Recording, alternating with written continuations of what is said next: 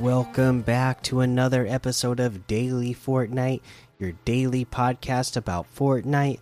I'm your host, Mikey, aka Mike Daddy, aka Magnificent Mikey. Well, I was expecting a hot fix update today, and I guess technically we got one because of that, you know, at 9 a.m. Eastern, the uh, avian ambush week ended uh, but they didn't put up a blog post about the end of the season uh, all day long. They haven't put. They still haven't put anything up about it. There's nothing on the in-game uh, news feed really, except for you know the mention of bargain bin week, and that's that's what we have for the end of the season. That is the update for the last. Uh, you know, four days or so, four or five days that we got left of the season. Bargain bin week. Your chance your cache of bars will be reset next season. Spend them while you can and earn extra XP before the season's end. So basically, with this, we get our uh, bargain bin week uh, quests. So this says four days and eight hours is how long you have to get this done. And so I'm guessing that's how much time we have until the new season starts as of this recording at 9 p.m. Uh, Pacific that we had four days and eight hours. Okay, so you need to upgrade weapons at an upgrade bench twice. You need uh, to spend bars, uh, and there's five stages of that. Purchase items from a vending machine three times. You need to purchase an item from a character once, and you need to purchase an exotic weapon from a character once and that's basically what the update hotfix was. No weapons, no other extra big bonus things. Just things are extra cheap in the, uh, you know, around the island now to spend your gold on. So there's that. Let's go ahead and look at some LTMs that uh, we can play around with today. Things like the 100 level default fun run part two Pandvil box fight 2v2 ranked. You know, Epic has Team Rumble Imposters, Battle Lab, all that, of course. There's Edit Pump Wars, Cook Trio Tilted, Realistic PvP Classic, Biozone Wars Custom Squad, Go Goaded Fire Arena, Ice Age, 40 player Enigma Endgame Zone Wars, Survival Courts Contest Open World, CEO Office Gun Game, and a whole lot more to be discovered in the Discover tab. Uh, you know, we just went over some of the bargain bin week quest, but uh, let's see. Did we cover everything for week 14? Yeah, we covered everything for week 14 quests. Again, like I said, four days, eight hours left for those uh, quests to get done for the battle pass. That's how much time you have left uh, as of this recording. By you know, by the time a lot of you listening to this, uh, or the by the time a lot of you listen to this, there it will be a lot less time than that. Uh, let's see. Uh, LTM's quests. Let's go ahead and head on over to the item shop and see what we have in the item shop.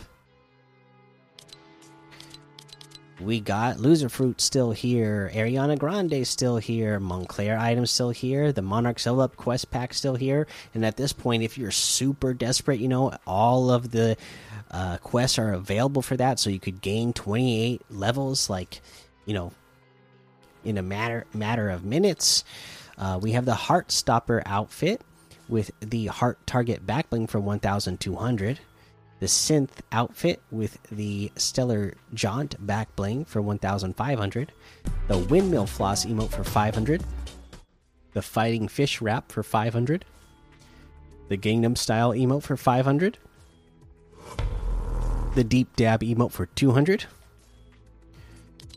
uh, we have the Galaxy Grappler bundle, which has the Galaxy Grappler outfit, Hands of the Galaxy back bling, Galaxy Starblades harvesting tool, and the Vortexual Galaxy um, Vortexual Wrap uh, in this bundle. It is 2,500. That's 1,200 off the total if you got them separately. If you do, the Galaxy Grappler outfit with the Hands of the Galaxy back bling is 2,000.